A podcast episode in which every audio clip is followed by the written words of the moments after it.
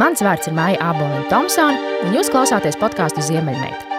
Sarunas par spēku, iedvesmu un drosmi īstenot savus sapņus.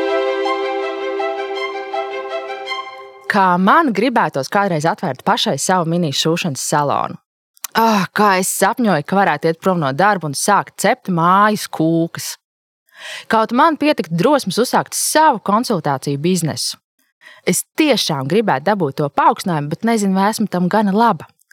Ja vien man būtu vairāk laika, es sāktu rakstīt grāmatu, nodarbotos ar sportu, atsāktu studēt.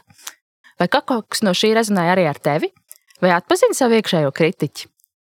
Kāpēc mēs atliekam savas idejas? Kāpēc nenoticam saviem spēkiem?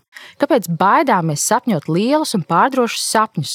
Kāpēc mēs iestrēgstam savā ikdienā katru dienu no jauna, dienu pēc dienas, atkal un atkal? Bet ja nu mēs mainītu savu domāšanas veidu, ja nu mēs mainītu savu redzējumu, uz ko esam spējīgi, ja nu kādu rītu pamostamies ar sajūtu, ka šodien ir tā diena, diena, kad izdzīvošu savu piepildījumu un visa pārējā pasaule, iepūtiet man, Ziniet, tas ir iespējams. Tas ir iespējams jau šodien, jau tagad, jau šajā pat mirklī. Ar mani šodien ir biznesa un mindset coach. Cilvēks, kas nevis rakāsies pagātnes sāpēs, lai saprastu, kāpēc es šodien iestrēdzis, bet gan parādīs nākotnes iespējas un teiks: Hei, dod roku, nebaidies, kopā mums sanāks.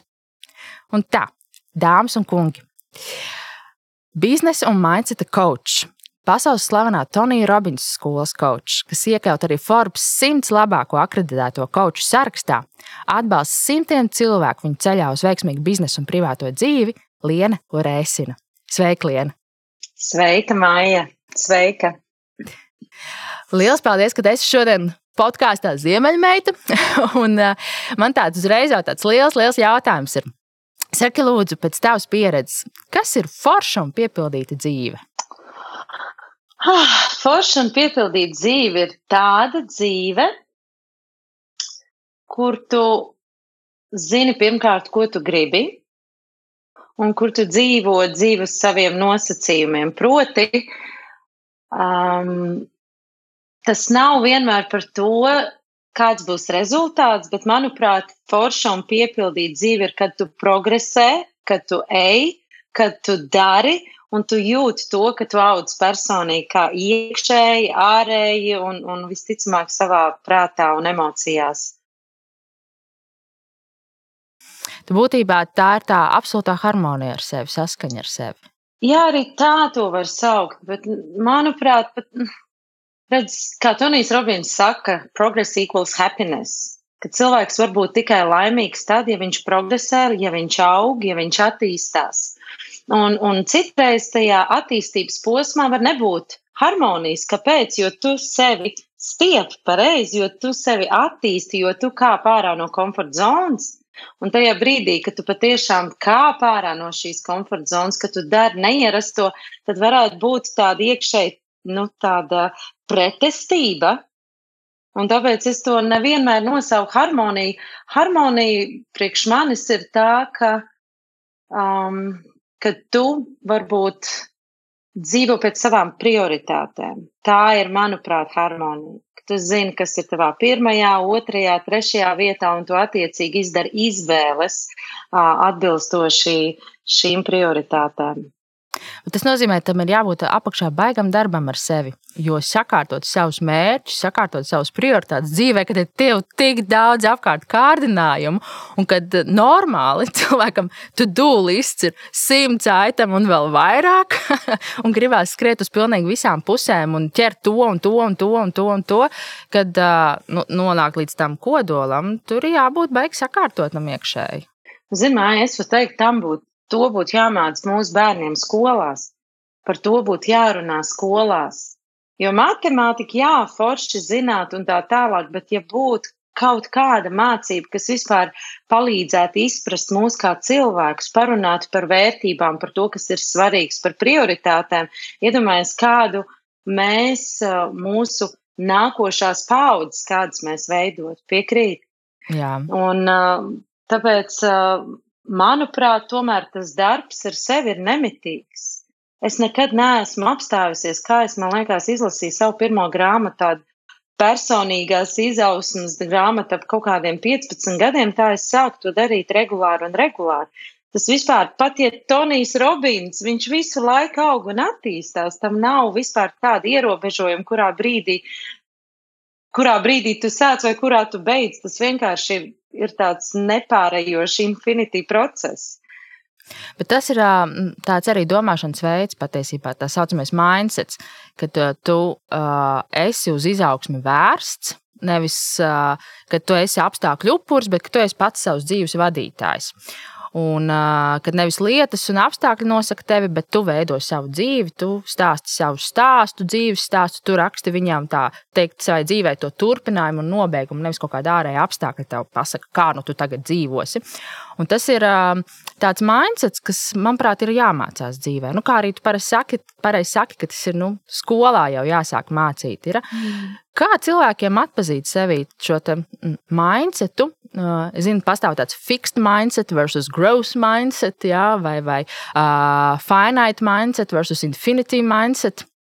Kā cilvēkam to atpazīt, ka, hei, es esmu iestrādājis šajā mindsetā, kad man viņš tomēr būtu jāsāk mainīt un, un, un, un augt un skatīties un strādāt ar sevi, ka tomēr dzīvē ir ne, nu, lielas iespējas, neierobežotas iespējas, un es varu sasniegt visu, ko es vēlos.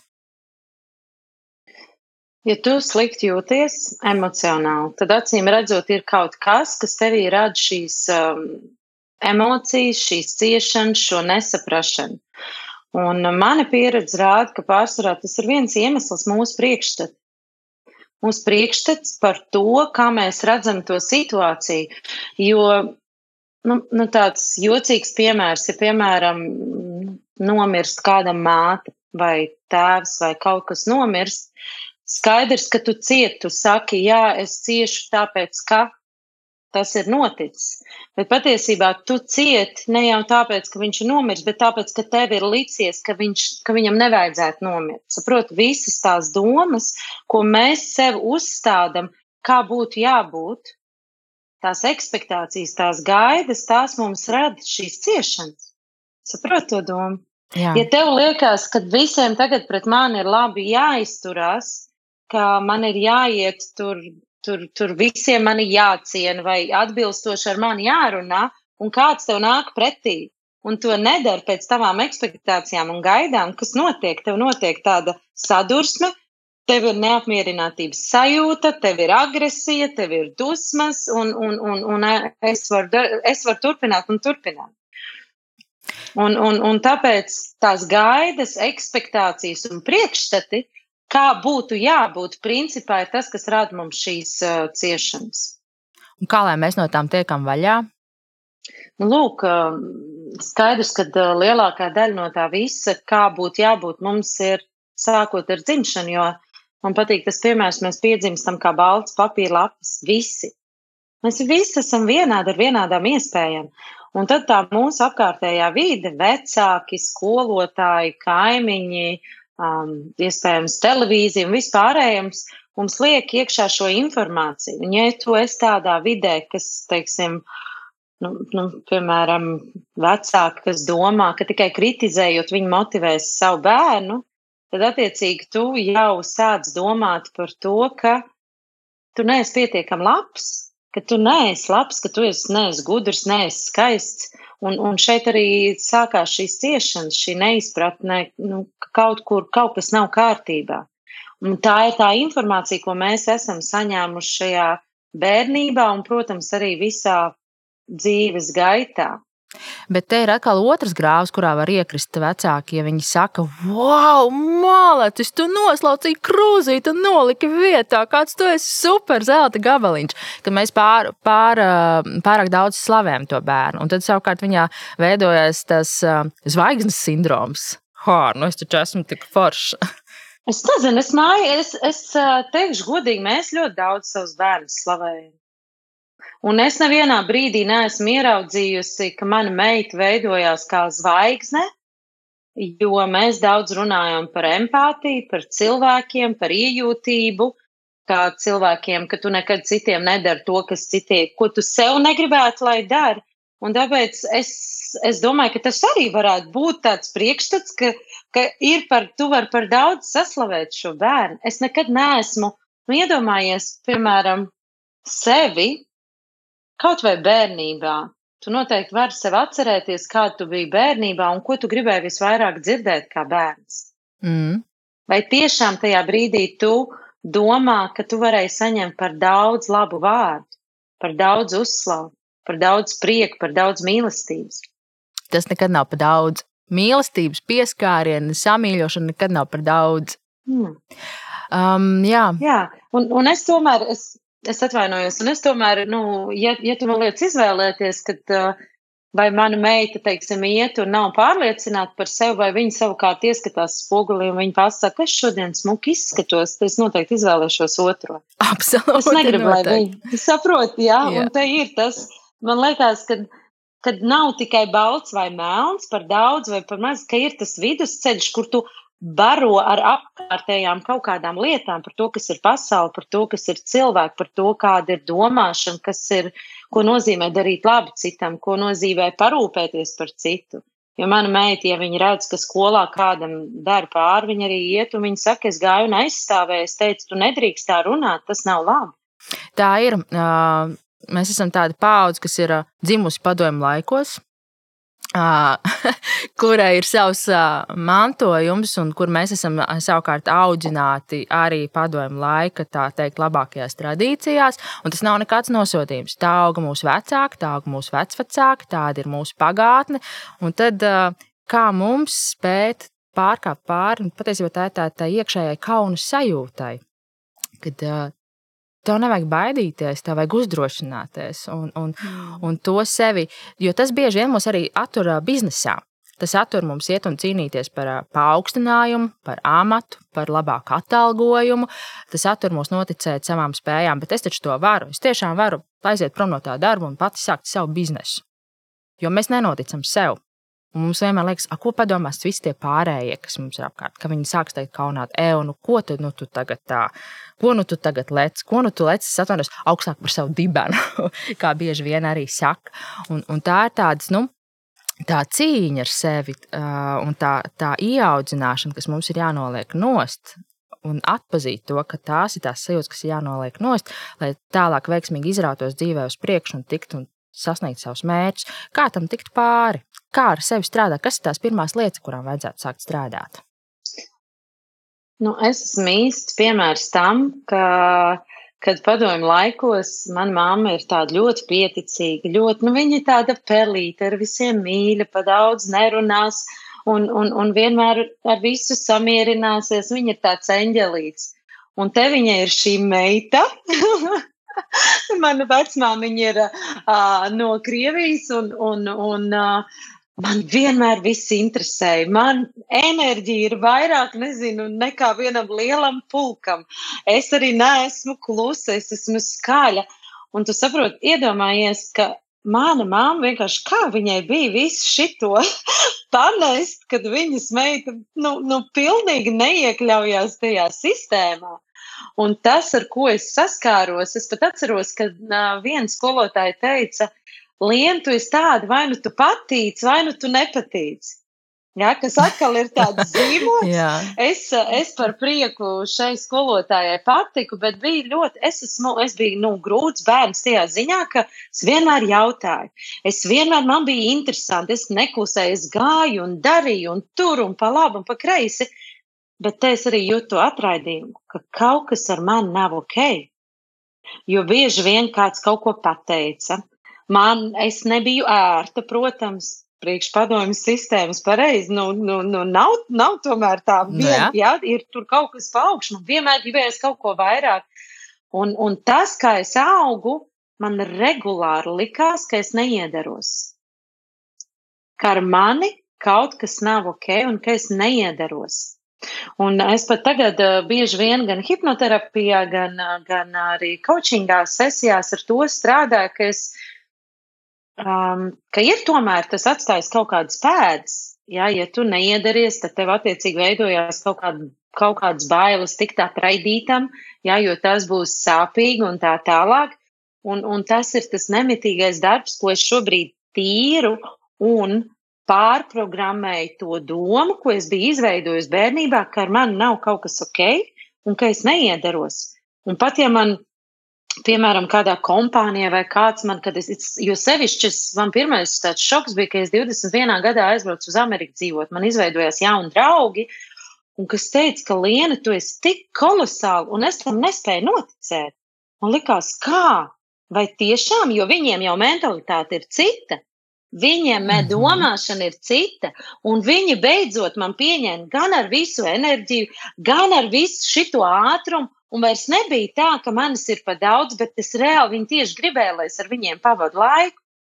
Un tur man tas klikšķis notika. Patiesībā es to tikai tagad sapratu, Maita, ka paldies man par to, ka, ka, ka šī ir tā atklāta. Tā ir. Izliec tev ārā no vides, izliec tev ārā no ierastās vides, tur, kur pēkšņi saka, wow, bet Super! Jā. Un tu saproti tās lietas, par kurām tu esi kaunējies, patiesībā ir tavs bonus. Tieši tā.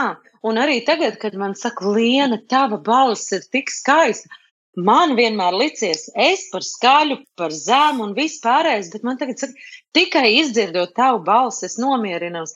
Man liekas, kāda dieva svētība. Pareizi. Es esmu visu šo laiku mm. dzīvojis ar kaut kādiem priekšstatiem, par kuriem mēs ar tevi runājam pašā sākumā, ka kaut kas nav tā. Un tie man limitē, un es neredzēju tās lietas, ko man bija jāierauga ar ko man bija jāsaskarās, kāda bija patiesībā mana sūtība uz šīs zemes, lai es palīdzētu vairāk cilvēkiem caur savu balstu, caur savu runāšanu, ko es uzskatīju par savu mīnusu. Tā ir tā mūsu tā paškritika, iekšēji audzinātā paškritika. Ar kuru mums, tā, lai tiktu uz priekšu, jāmācās ir strādāt un atzīt. Un, un, un, un jāmācās ir nolikt tos skeptiķus malā, kas ir tāds baisais darbs. Baigais darbs. Kā tev šķiet, pēc tavas pieredzes, tas ir katram individuāli uh, garuma darbs, vai tas ir teiksim, izdarāms pusgadā, gadā, divos gados, divos mēnešos, jo tas ir atkarīgs no tā, kas tev, cik liels tev ir iekšējais drāviņš, iekšā motivācija. Cik daudz tu esi gatavs ieguldīties, cik, cik daudz tu esi gatavs darīt ikdienā. Jo tas, ka es esmu tāda, kāda šobrīd, un es šobrīd nu, esmu tādā foršā vietā, kad es kaut kādus augļus sāku savākt, bet cik vismaz man desmit gadi pagāja, ko es ieguldīju sevi iekšā, kur es nemitīgi mācījos, attīstījos, augu, braucu uz semināriem, algoju dārgus kočus un visu pārējo, uh, tikai tāpēc, ka es gribēju tikt no tā vaļā. Un šobrīd es sāku redzēt, ka ir tam rezultāts. Nu, un, un, un, un, un man noteikti jāsaka, ka katram tas būs atsevišķi, atšķirīgi. Jo man ir klienti, kas, piemēram, atnāk, es nekad nesāku strādāt ar klientiem, kamēr es nezinu, ka viņi ir gatavi darīt visu. Jo skaidrs, ka tas darbs ir ne tikai tajā coaching sesijā, bet to, ko viņš darīs pēc tam. Un ir klienti, kas sākumā pasakā, jā, Liena, es esmu es gatavs darīt visu. Un tu iedod viņam mājas darbu, un tu viņam prasi, kur ir mājas darbs. Man nebija tam laika, vai man negribēja vēlēšanos, un attiecīgi šādam cilvēkam tas rezultāts būs arī lēnāks. Saprotu, un es pat uh, esmu atvērta tam, ka es pasaku, tad mēs neturpinām darbu, jo mana reputācija ir ļoti svarīga. Es tev atdodu visu, simtprocentīgi, divsimtprocentīgi.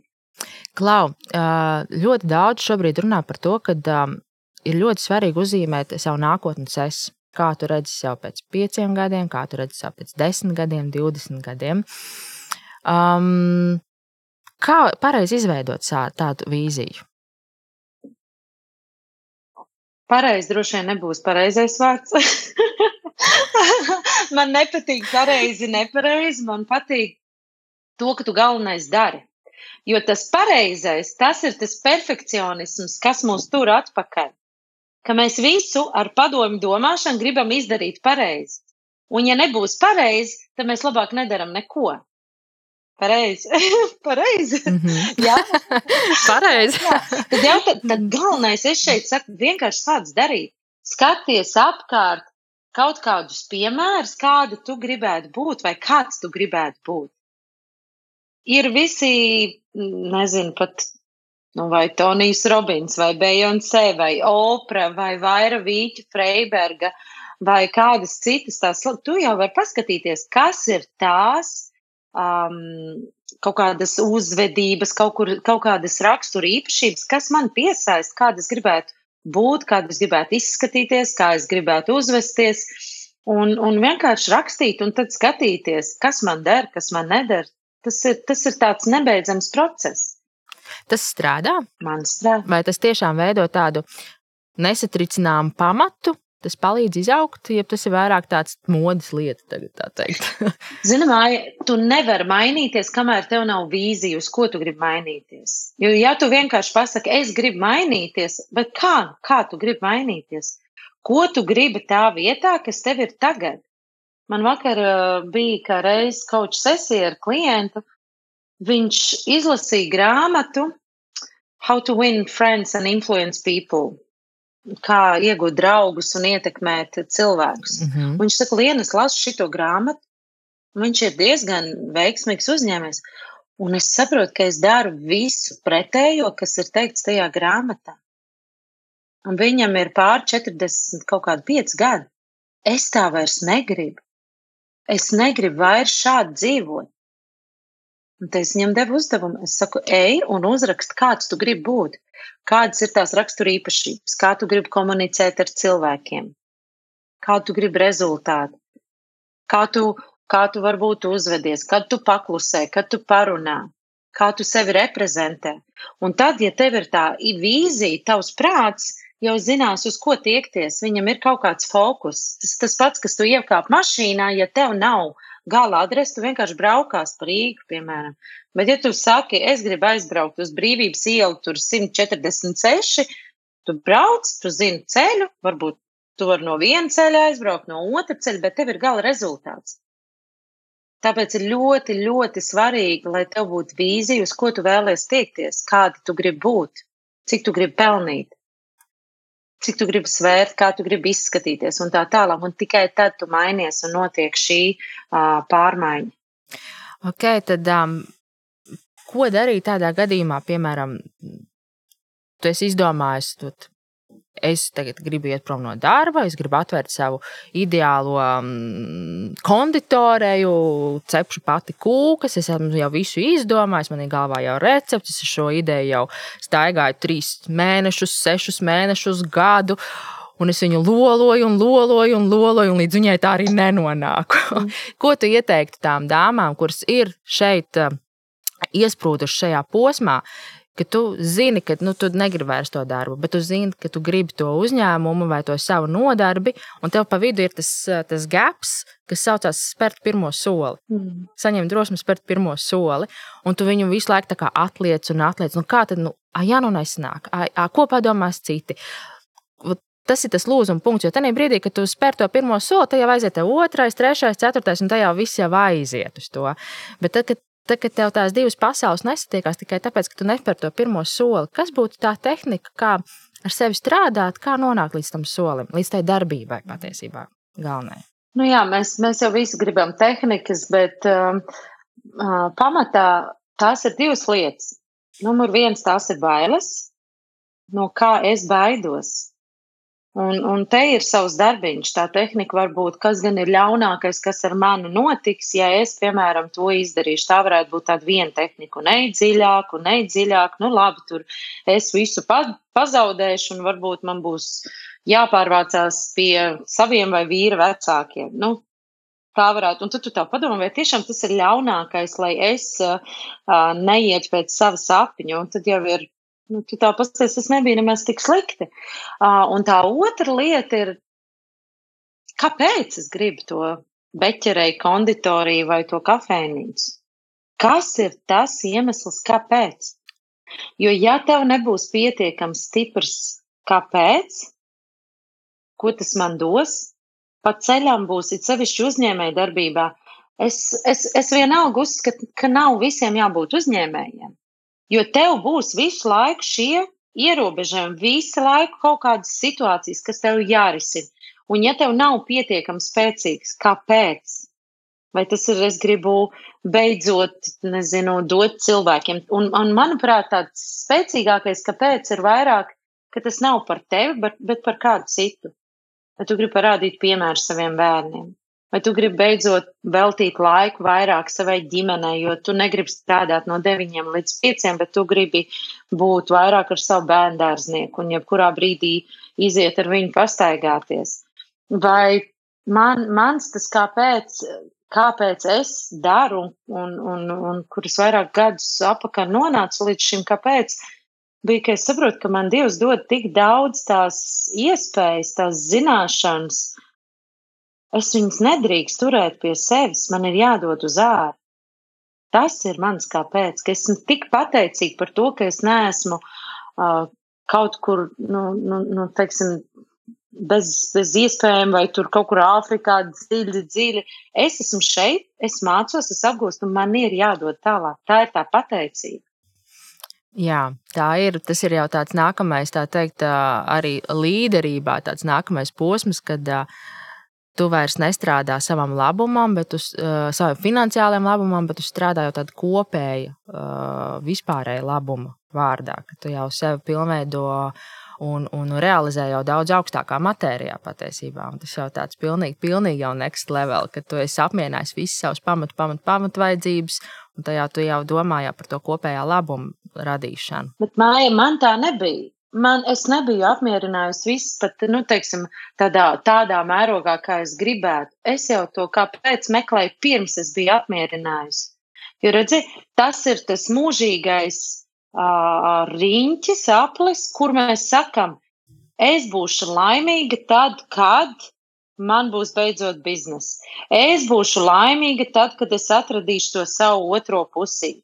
Es būšu laimīga tad, kad man būs bērns. Es būšu, un, un visu laiku mēs liekam šo tad, kad. Tas tā nestrādā. Kosmosā visumā nav šāda likuma. Vispirms tu parādīsi, ka tu esi laimīga ar to, kas tev ir, un tikai tad tas, ko tu vēlies, atnāks pie tevis. Klau, hm? strādāt, ar, strādāt ar tik daudz cilvēkiem no visas pasaules. Kas ir tas vienojušais, ko tie cilvēki, kas, kas trūks cilvēkiem? Pēc kā viņi visbiežāk nāk pie tevis?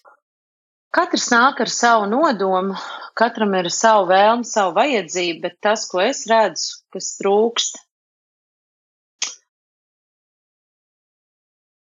Ierau, es domāju, ka vairāk tie ir tie priekšstati, no kā ir jātiek vaļā, ieraudzīt savu to vīziju, par kur mēs redzējām citā mērogā jo viņš netic, ka viņam var būt kaut kas labāks. Un tas, ko cilvēki, sevišķi tādu lielu uzņēmēju, ar kuriem es strādāju, ko viņi dara, viņi sev nemitīgi šaust un kritizē. Un viņi nezina sūt to savu pašvērtējumu, bet nevis tādu egoistisko pašvērtējumu, bet, bet to, ka tu esi uh, pelnījis to visu labāko. Un viņš dara nevis tāpēc, ka viņš ir pelnījis, piemēram, to labāko, bet viņš to dara, lai citiem pierādītu, lai sev pierādītu regulāri, kad redzies, esmu pietiekami labs. Tas ir tāds I'm not good enough sindroms. Es neesmu pietiekami labs, es neesmu pietiekami labs, un viņš dara tikai tāpēc, lai pierādītu, parādītu. Un es tur arī biju. Un tur jau ir tas paradoks, ka, lai ko tu sasniegtu, tev nekad nebūs gada. Es kad es atvērtos, kad mēs atvērām restorānu biznesu un, un, un labi viss aizgāja un, un bija restorāna ķēde un, un, žu, un avīzes un intervijas un viss pārējais, bet tā piepildījuma jau vienalga nebija. Man tāpat nelikās, ka es esmu kaut ko sasniegusi īpaši. Nu, nu kas tad ir? Mm. Un tā tu visu laiku tikai velcies un velcies un lieci sev kaut kādas lietas, bet nevis tāpēc, ka tas būtu forši, ka tas man patiktu, ka es, ka es esmu pelnījusi to labāko, bet, bet tikai lai pierādītu kaut kam kaut ko, tāpēc jau cilvēki arī nedara. Viņi meklē simts diplomas, simts izglītības, pirms viņi kaut ko uzsāk. Viņam visu laiku ir kaut kas, es neesmu pietiekami labs, pietiekami gatavs, pietiekami drosmīgs, pietiekami jauns, pietiekami vecs, un viss šie šie nemitīgie priekšstati, kāpēc kaut ko varētu neiz, neuzsākt. Tas ir tas arī stereotipu rāms, kurā mūs visus ieliek iekšā. Tieši tā. Ir, uh, jau no mazām dienām tie ir mēdīji, kas, teiksim, meitenes ļoti, ļoti liek iekšā kaut kādos rāmjos, cik tev jābūt ir skaistai, cik tev jābūt ir tievai, kā tev ir jāizskatās, kā tev ir jāģērbjās, kā tev ir jādomā, kā tev ir jārunā. Tas pats ir arī ar vīriešiem, cik tev jābūt ir veiksmīgam, cik tev daudz ir jāpelna, kādai tev jābūt ir mājai, kā tev ir jāizturās, cik tev jābūt ir agresīvam, jā, ka tev ir tur jābūt robustam, ka tev jābūt ir varonim, un tas viss, tas viss jau mums liek visu laiku mūsu tādos rāmjos iekšā. Un, un, un tas not good enough, tas ir.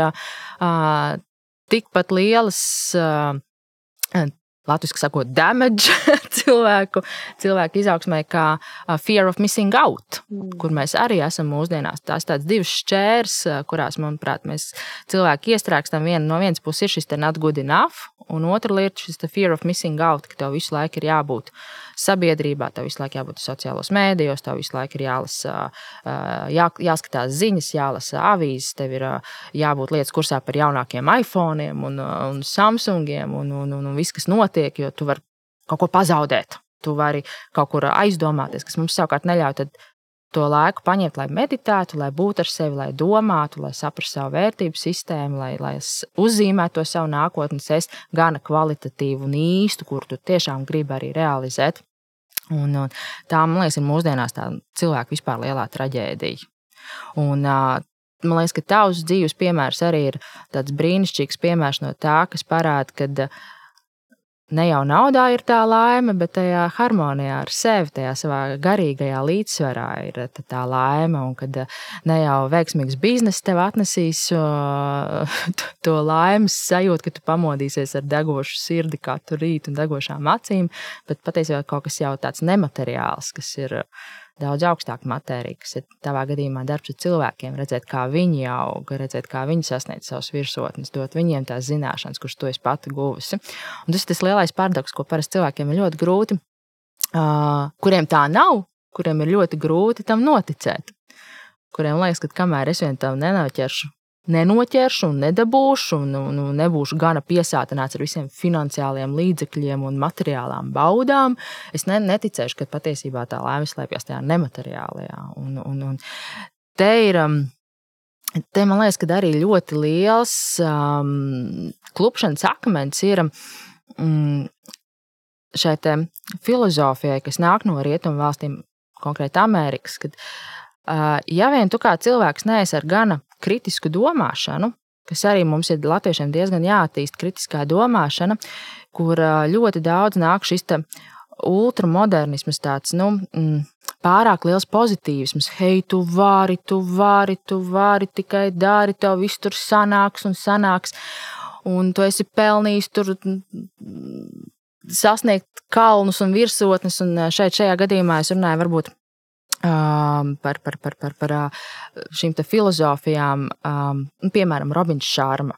Nu, uh, bet Te arī tā jāskatās. Ir. Es personīgi esmu izlasījis visu viņa grāmatas. No sākuma likās fantastiski. Jā, tas ir tas, kas ir vajadzīgs, uz ko vajag iet, kā vajag sakārtot savu dzīvi. Jo es tiešām būšu kalnā un, un, un, un, un sekot tam. Bet tad es kaut kā vienā mirklī tā sāku tā klausīties dziļāk, un, un tad es sāku piefiksēt tādus teicienus, kā, uh, ka viņš sāk dalīt tos cilvēkus, kad ir šie izcilības, un tad ir tas viss tas pārējā pasaule. Un tad ir tas saucamais tas rare air, kur viņš aicina cilvēkus augt un attīstīties un spēlēt un dzīvot tajā rare air kategorijā, kur ir šie izcilākie cilvēki, kuriem ir brīnišķīgs dzīves stils un ha habiti pareizie, un viņi visu sasniedz.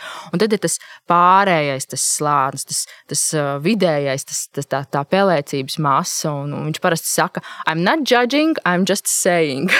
un, tad, un tad man liekas, hei, bet vai tiešām tas ir godīgi, ka Tā laime ir tikai tad, ja tu esi tik nenormāli, superīgi izcils, ja tu tiešām celies piecos no rīta, sāc savu dienu ar, ar, ar plāniem, tu ej un tu dari, un ka tie parastie cilvēki, kas dzīvo savu parasto dzīvi, vai viņi tiešām nav laimīgi tāpēc. Un, un te man vienmēr tā šķēra griežas, jo man pašam liekas, es esmu dzīvojis savu normālo, parasto dzīvi, jūtos ļoti laimīgi par to. Kāpēc, ja es nedzīvoju tajā rare air un es neesmu starp tiem izcilniekiem, kāpēc tad es tā kā tiek nosodīta?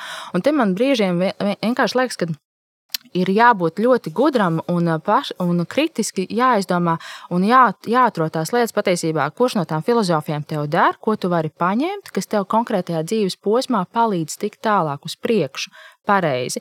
Jo, ja tu nepareizi paņem šo filozofiju, tad tu vari iebraukt divos grāvjos. Vai nu tu iekļūsi depresijā, ja tu saproti, ka nu, es tiešām dzīvoju pavisam, pavisam slikti, un tā dzīve, kuru, kur vajadzētu man dzīvot, ir nenormāli, man nesasniedzama, vai otrs grāvs, ka tu vienkārši sāc iet tā kā tāds motors uz priekšu un, un, un, un tiešām vairs neieklausies ne mazām sevī, jo tev ir mērķis pēc mērķa, mērķis pēc mērķa, tu celies piecos, tev ir tavs darbu saraksts, dienas beigās tu apsies, vai tu esi visus tos darbus izdarījis.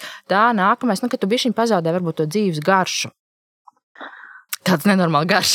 nē, nē, nu, zikā, māja, tur, es domāju, ka, nu, te ir runa arī par to interpretāciju, un, un es esmu nedaudz, es gan esmu absolūts Robina Šarmas uh, fans, es, es paklausos, es palasu, uh, un man patīk viņa filozofija, un es domāju, ka noteikti viņš nedomā, ka ir tie nenormāli krutie un izcilie.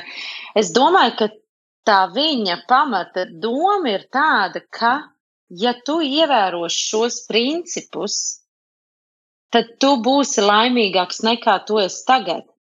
Jo, ja tu piecelies tajos piecos, tu pameditē, tu parūpējies par sevi, tu izdari to un to, tu vienalga gribot, negribot, tu sāksi justies labāk. Un kā es to zinu, Māja, jo man šobrīd ir online programma, kurā viena no sastāvdaļām, kur es palīdzu izstrādāt tos rituālus rītam un vakaram. Un man, man pat bija tā, ka man tā lekcija bija paredzēta piektā. Un tad es viņu ieliku kā otro vai trešo, un ka man meitenes vienkārši sāka teikt, ārprāts, kā es šobrīd jūtos. Es tik laimīga nekad neesmu bijusi. Man ir uzlabojušās attiecības ar manu vīru. Es esmu mierīgāka ar saviem bērniem. Es smaidu, es priecājos. Nā, nā, nā, nā, nā, nā. Tātad tur ir kaut kāda zinātne apakšā. Un, un, un es domāju, ka, ka tā viņa pamatdoma vairāk nebija tā, ka tie ir tie citi cilvēki, bet tie varbūt tie cilvēki, kas neuzdrīkstās, kas neprasa vairāk no tās dzīves, kas samierinās ar to viduvēju. Ok, varbūt, ka tev, nu, tu biji pietiekami laimīgi tajā brīdī, tas ir super, bet jautājums, vai tu vari vairāk? Vai tu gribi vairāk? Vai tev ir gana ar to, kas tev ir? Ir tas grāvs, tu pareizi saki, lai neaiziet pār pilnīgi tādā vienā griezienā, kur tu tikai ej, du, du, du, bet tāpēc jau ir, tu meditē, tu lasi, tu apstājies, tu pasēdi padomā, tu ej pasporto, tu palasi to grāmatu vai paklausies to programmu, un tad jau tev tas prāts izvērtēs, šis ir man, šis nav man, un, un tev vienkārši pats galvenais ir nees kā tāds āpsis vai āzis, kurš visam tic, kas man der vislabāk? Saku, apšaubu visu, kas tev nāk, neapstājies, ej, dari, bet apšaubu katru jauno informāciju, kas tev nāk iekšā. Kas ir tas, kas tevi uzrunāja Tonija Robins filozofijā? O, es noskatījos to filmu Not Your Guru. Tā bija mana tāda pirmā sastapšanās ar Toniju Robins. Un, kad es ieraudzīju, daudz gan saka, ka tas ir ļoti amerikānisks un ka tā nav un ka tā nevar būt. Bet uh, Es tev varu pateikt, ka es pilnīgi iemīlējos tajā procesā, ka cilvēki var tā transformēties, ka cilvēki var tā mainīties. Es tad vēl nebiju kočs. Un tad es pateicu, es gribu tā palīdzēt. Es tiešām gribu tā palīdzēt. Un tad tas mans nākošais sapnis bija aizbraukt uz Tonija Robins semināru. Es noalgoju koču pirms semināra, aizbraucu uz semināru un es vienkārši iebraucu tur iekšā un es teicu, es gribu būt šajā vidē. Es jutos tā kā zivs ūdenī. Man patika visa tā domāšana, visa tā filozofija. Un skaidrs, viņš ir amerikānis, viņš ir par daudz, viņš iet ar tādu jaudu, bet man tas netraucēja. Kas man, kas man bija svarīgi, tā informācija. Man bija svarīgi redzēt, ka tie cilvēki mainās, ka tas palīdz. Un nevelti viņam ir 15,000 cilvēku seminārā. Nevelti. Acīm redzot, viņš dara kaut ko labu. Ir liela daļa, man pat man tuvu redz, saka, ka viņš ir šarlatāns, ka viņš tikai uh, ņem naudu tūkstošiem un tad ne, ne, nezinu, tur. Kam tu gribēsi ticēt? To tu arī dabūsi. Un, ja tu neticēsi, to arī nekad mūžā nemainīsies. Vai tas ir Tonijs Robins vai tas ir Pēters Kļava. Mm. Ja, ja tu neticēsi, nav svarīgi. Ja tu aizies ar ticību un ar to izsalkumu sajūtu, bet es gribu. Es gribu dzīvot savādāk, es gribu atbrīvoties no tiem uh, limitējošiem priekšstatiem, no tām sāpēm, no tām bailēm. Man svarīgi nav svarīgi, vai man, man personīgi nav svarīgi, vai tas ir Tonijs Robins vai kāds cits. Tas, kas man interesē, vai šī formula man strādā, vai šim cilvēkam ir atbilstošās vērtības, vai tas sap, sapas ar šīm manām vērtībām. Un, ja, nā, ja jā, tad es iešu un, un, un uh, darīšu. Mm, tā ir un tev sanāk. jā, ne, arī man, man tas ir nemitīgs problēma. Es, es kaut kādas pāris dienas atpakaļ, ne kaut kādu nedēļu atpakaļ, es visu laiku sev velku atpakaļ, lai es neieietu tajā savā ego. Zini, kā tad, kad tev jau tur tu paliec gan atpazīstamāks un, un, un cilvēki tev vairāk pamana un tu palīdz, es visu laiku savienojos ar to savu esenci, lai mans ego mani nevada. Mm. Lai man nebūtu tas, ka es neeju tur un nerunāju tāpēc, ka es domāju, ka es esmu vai svarīgāk, vai ko. Es visu laiku at, at, es esmu šeit, es esmu šeit, es esmu visuma sastāvdaļa. Šis ir mans uzdevums, tā ir mana misija.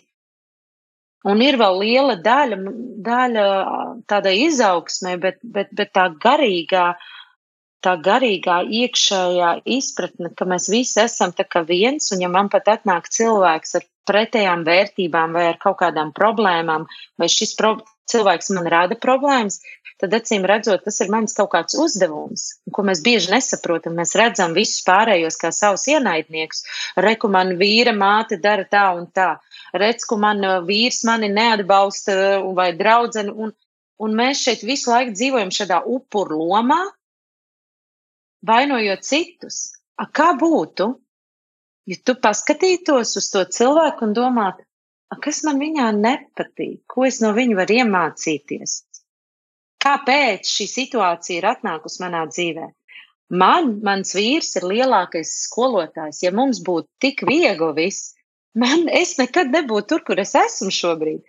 Jo vienkārši es caur viņu esmu mācījusies, es caur viņu augus esmu. Tā šeit attiecības strādājam ar to, strādājam ar šito. Un, un, un man liekas, ka tas būtu baigi forši, ka mēs neturētu to ļaunumu un, un aizvainojumu, jo tev neviens neko nav parādā. Mēs visi tādā, va, tas ir tas ego. Tev tā ir pret mani jāizturās. Kāpēc? Tev neviens neko nav parādā. Mm. Saproti, ko tu esi iedomājies, ka citiem būtu kaut kas jādara tā, kā tu domā? Nē, šis cilvēks ir atnācis kaut ko tev parādīt, iemācīt. Tā ir tas teiciens, kā es teicu, man ļoti patīk tas teiciens. Tava dzīve ir tava skola, tava klase. Un katrs tavs cilvēks satiktais savā dzīvē, vai tā ir mamma, vai tā ir draudzene, vai tas ir kaut kāds darba kolēģis, ir tavs uzdevums, kurš tev ir jāatrisina caur šo cilvēku. Un aizojot no viņa projām, tev atnāks nākošais. Tāpēc es nekad neiesaku šķirties pie pirmām grūtībām. Ej un mēģini risināt, jo tas patērns tev aizies pie tā nākošā vīra, piemēram. Mm -hmm. Jo tu neesi atrisinājis kaut ko, neesi iemācījies, un dzīve to liek to mācīties. Protams, nu, bet, protams, nu, bet, protams, nu, bet, protams un, un, un tāpēc jau arī vajag un, un, un, un uh, izstrādāt caur to cilvēku. Es nesaku, ka jāieliek sevi tādā mazahismu lomā, bet vienkārši apskatīties, ko es te varu mācīties. Vai tu vari ar to situāciju tikt galā, uzticoties, ka, vai, vai, vai saglabājot šo veselo mieru, un, un, un tādu cieņu arī pret to cilvēku. Viņš ir savādāks. Klau, uh, vai grūti? Es zinu, ka um, jūs jau vīru bijāt biznesa partneri. man tāds jautājums, vai tu tici tam, ka um, divi mīļotie cilvēki var veidot veiksmīgu biznesa tandēmu? Oh, tad ir jābūt ārprātīgi, no, nu, ir jābūt ļoti, ļoti spēcīgam pamatam, ir jābūt nodalītām atbildībām, noteikti Un pats galvenais ir mācīt norobežoties mājās no biznesa. Ja tu to māki, vai ne? Mēs tā nemācējām. Jā, mēs arī vīri esam pat. Mēs visu laiku runājam par biznesu. Tās galvenās lamas, kur visi iekrīt. Jā, jo, jo par ko mēs mājās visu laiku darījām, darījām mēs visu laiku runājam par biznesu. Reku, tas darbinieks, arī ko atkal problēma. Mēs abi divi vispār bijām spriedzē, nemitīgā stresā. Un kā tu vari izveidot šīs? Mums arī nu, tāda biznesa sfēra, ja restorāna biznesa ēdināšana, tā ir tāda ļoti smaga sfēra. Varbūt, ka kādā citā online biznesā, es nezinu, bet tajā sfērā un tajā laikā ar to mindset mums tas bija pilnīgi, ka mēs, Mēs bijām tuvu šķiršanās. Vai jūs kaut ko mēģinātu tagad ar to? Bet es pateicu, ka es eju projām. Ar to pieredzi, kas jums ir tagad, vai jūs mēģinātu vēlreiz?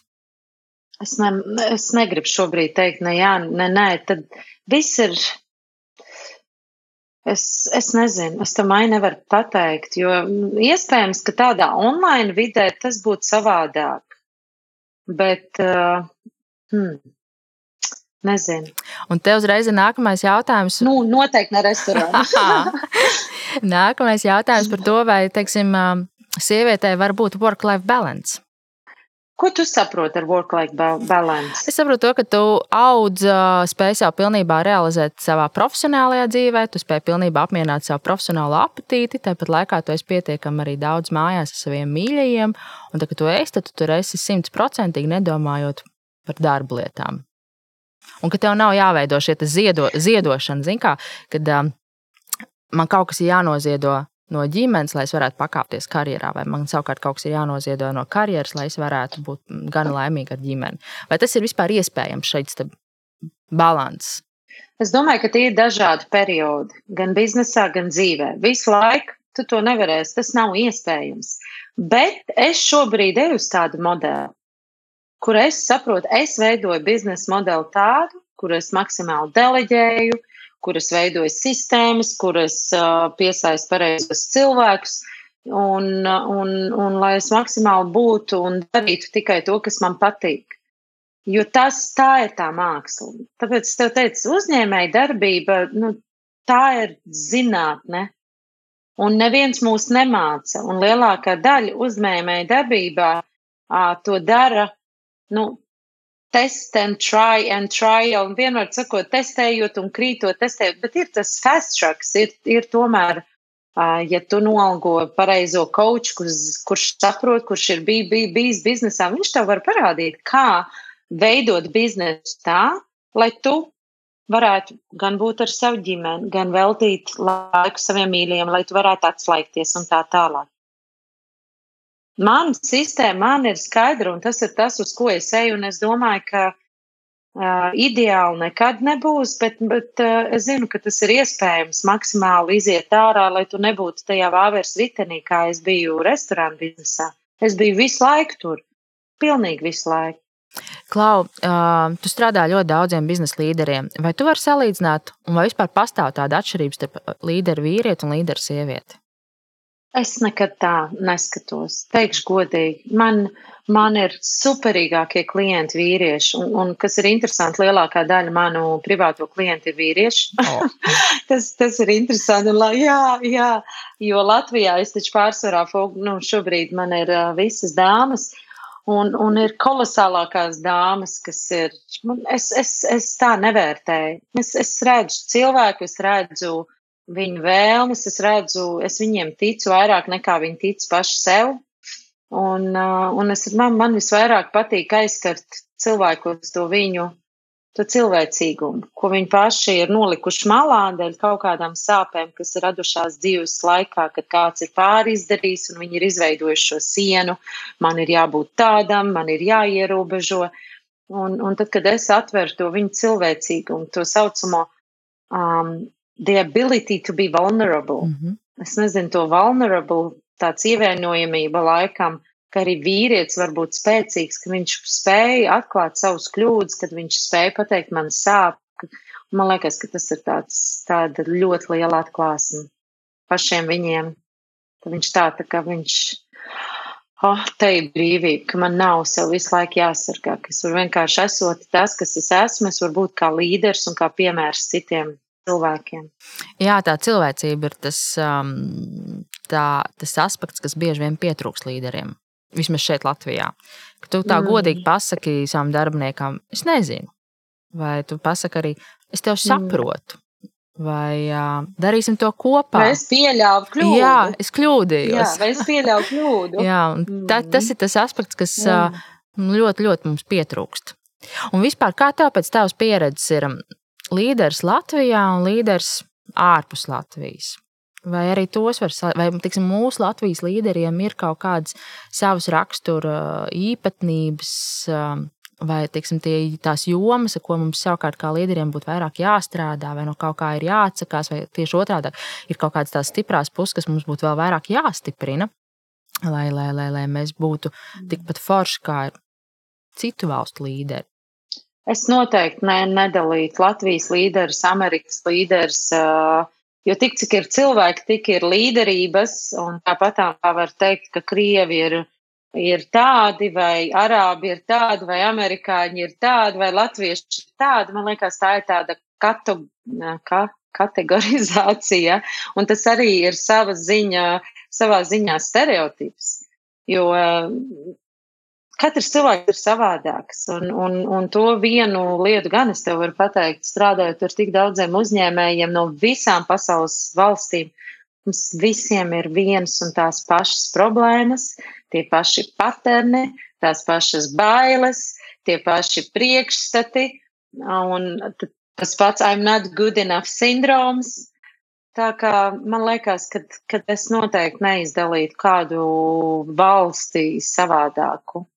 Un kas tad ir tie? Vai arī man vienkārši paveicies ar klientiem? Nē, nu, zin kā parasti jau saka, nu, vismaz nodala, nu, rekur, hei, tur um, bijušās padomjas savienības, tur līderi skaldi un valdi, jā, un kad, teiksim, ir jānomainās līderu paudzē, lai kaut kas mainītos arī mums Latvijas vidas uzņēmē darbībā, lai viņi vairāk kā mm, atraisītos, lai vairāk atspērtos, lai, lai labāk veidotos šī organizācija kultūra, kas ir vēl iekļaujošāka, uz sadarbību vērsta. Jo pagaidām nu, mums tā Ne visur, bet daudz tomēr ir, ka cilvēki gan baidās iet runāt ar saviem līderiem, gan baidās paust savu viedokli, gan arī teiksim, šīs sievietes baidās iet cīnīties par savu paaugstinājumu vai baidās iet cīnīties par algas pielikumu, jo nu, viņas nosodīs un pateiks, hei, bet tu jau vēl neko neesi parādījusi, un kad trūkst šī sadarbība. Bet vai tev neliekas, ka tas ir visās valstīs, piemēram, kaut vai tieši tāda pati lieta, ka sievietēm ir bail paprasīt paaugstinājumu Ameriku, piemēram? Tu zini, nē, man ir bijusi tā laime strādāt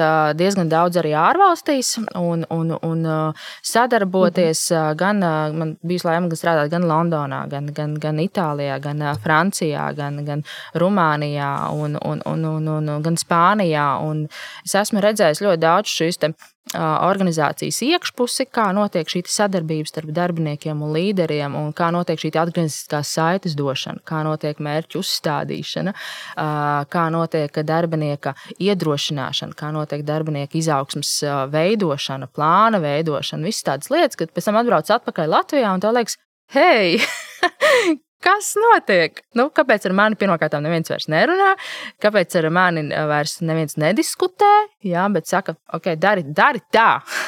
nu, labi, es darīšu tā. Es pēdējo reizi strādāju māju, kad man bija 22 gadi, jo kopš 22 gadiem es esmu bijusi uzņēmēja darbībā. Varbūt es, nu, tāpēc es nevaru no tādas mm -hmm. darbinieku pozīcijas apskatīties, bet mans priekšnieks bija baigi foršais. Viņš vienmēr mēs varējām sarunāt. Tā kā man tā, nu, es, es domāju, ka ir gan tā, gan tā. Bet tā kategorizēt es nu, neņemos, jo, jo, jo man nav tādas pieredzes bijušas. Nu, skaidrs. Un es esmu strādājis ar Krievijas uzņēmējiem, ar Amerikas, un Anglijas, un Nīderlandes, un Spānijas. Un, un, un, un, tāpēc es, es domāju, ka nu, tur jau Kā tev šķiet, um, kas ir tā viena lieta, ko mums šodien cilvēkiem vajadzētu primāri ar sevi strādāt? Viena lieta, ar ko? Ar priekšstatiem, ar to sapratni, kas es esmu, ko es gribu. Vispirms ir jāsaprot, ko tu gribi. Kas, kas būtu? Kas būtu dzīve uz maniem nosacījumiem, ja man viss būtu iespējams, ja man nebūtu nekāda naudas ierobežojuma, laika ierobežojuma, kādu dzīvi es dzīvotu, kur es būtu, ko es darītu, ar kādu vīru vai sievu es dzīvotu, vai kādas būtu mūsu attiecības, kādas būtu manas attiecības ar bērniem. Un, un, un vienkārši zināt, kas ir tas, ko es gribu. Jo, jo mēs esam tik aizņemti domāt, kas mums traucē, kas mums nepatīk, ko es negribu, ka tev pat nepaliek laika padomāt, kas ir tas, ko es gribu. Tāpēc pie manis atnāk citreiz, uh, Un, un, un jaunais klients, es saku, ok, nu, kas ir pa problēmām? Viņš var, trrr, viņš var stundu man stāstīt par tām problēmām. Un es saku, ko tu gribi tā vietā? Un ir klusums. Viņš ir bijis tik aizņemts ar to, ko viņš negrib, kas ir grūti. Runa ir par to fokusu, uz ko viņš ir fokusējies. Viņš nav padomājis, ko viņam gribās tā vietā. Un tur, kur ir tavs fokus, tur ir tava enerģija. Un ja tev enerģija uz negatīvo, kā tu radīsi to, ko tu vēlies? Piekrīt. Absolūti. Un, un tad tas nākošais, vai ne? Un tad ir tas, ko es gribu, un kas ir tajā gapā, ko tu jau minēji, no tās vietas, kur es esmu, kur es gribu. Kas mani attur no, no, no tā, kur es vēlos būt? Mans mindsets, manas bailes. Un, un, un es vienmēr teiktu, sāc ar sevi, kā Jim Rons saka, strādā uz sevi smagāk nekā savā darbā. Un tad mainīsies arī tā tā ārējā, tā biznesa vide. Jo transformācija ārā notiks tikai tad, ja notiks tā iekšējā transformācija. Ja cilvēki pie manis atnāk, man vajag mārketinga stratēģiju, man vajag tur izveidot biznesa procesu un tā tālāk. Bet ar to nepietiek. Ir 80% mindsets. Tāpēc es sev saucu mindset coach. Tas ir mans passions. Es gribu tev palīdzēt, transformēties, mainīties, jo tikai tad, ja tu būsi pareizajā mindsetā, tu redzēsi jaunas iespējas, tu redzēsi, kā atrisināt situāciju pilnīgi savādāk. Tu paliksi ar resursiem bagātāks cilvēks, kurš vairs nebūs tajā, tajā ierobežojumā. Jo, ja tavs mindsets nav attīstījies, ja tu neesi strādājis uz to mindset, tu ļoti daudz lietas neredz, nav, nav iespējams redzēt. Kā reku te ir iespēja? O, reku šis darbinieks taču varēja būt šajā pozīcijā. Viņš ar to savu vienu ideju, savu domu pavērt plašāk. Nu, klā, man liekas, ka. Šie ir brīnišķīgi vārdi, ko noslēgt mūsu šodienas sarunu. Strādā uz sevis daudz vairāk nekā uz jebkuru citu lietu pasaulē un domā par savu mindsetu. Jā, tieši tā. Lieliski, paldies tev par Jā. sarunu, bet nobeigumā man ir daži ātrie jautājumi, ko es uzdod katram savam viesim. Un tu saki droši pirmo, kas tev ienāk prātā. Tavs mīļākais ēdiens. Labi. Mm, voks. Oh, dārzeņu veģetārais. Jā, man garšo voks. Ei, varbūt kādas ga lielās garnelītes ar dārzeņiem. Labi. Jā, voks ir ļoti garšo. Dziesma, ko visbiežāk dungo pie sevis? Um, tas, kas man tagad ienāca prātā, I'm unstoppable, ir Sijā. Sijā, mm -hmm. I'm unstoppable. Jā, tā man ienāca prātā. ļoti labs. Lūdzu, turpini teikumu. Drosme ir? Brīvība. O, oh, brīvība. Tava mīļākā filma? Mana mīļākā filma. Hmm. Nu, nāk man tā, tā, tā. Man jau patīk tādas dokumentālās filmas. Es pateikšu, not your guru. Kāpēc man likās, ka tu zini, ka tu teiksi šo izsākumu? Labi. Kas ir labākais līderības padoms, ko kāds tev ir devis, vai gluži pretēji sliktākais līderības padoms, ko kāds tev ir devis? Labākais līderības padoms. Es zinu, teikšu, viss sākas ar tevi, un uh, līderis ir patiesībā kalps. Līderis ir uh, kalps nevis tas, kas ar spēku iet un, un visu panākt, bet tas, kas caur empātiju, caur mīlestību, ar savu piemēru uh, parādīs cilvēkiem to ceļu. Tas ir tāds labākais līderības padoms. Jā, kalpošana tā ir tāda mm, ļoti mindset lieta līderiem. Jā. Un tava mantra brīžiem, kad jāsaņemas? Viss, kas man ir nepieciešams, ir jau manī iekšā.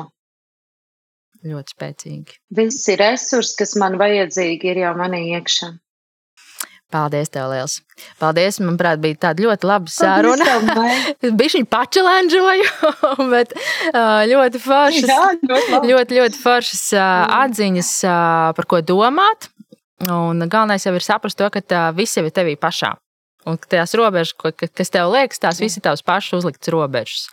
Un, un galvenais ir skatīties uz priekšu, skatīties nākotnē, sekot savai balsī, zināt, ko tu vēlies, un uz to arī iet un par to cīnīties. Un, un, un ja vien nepieciešams, vajag atrast koču, kas palīdzēs tikt tālāk uz priekšu. Paldies, tev liels! Paldies, tev liels, Maija, ka tu uzaicināji mani. Man bija liels, liels prieks būt Ap. šeit. Tad lai tev laba diena! Paldies, tev arī!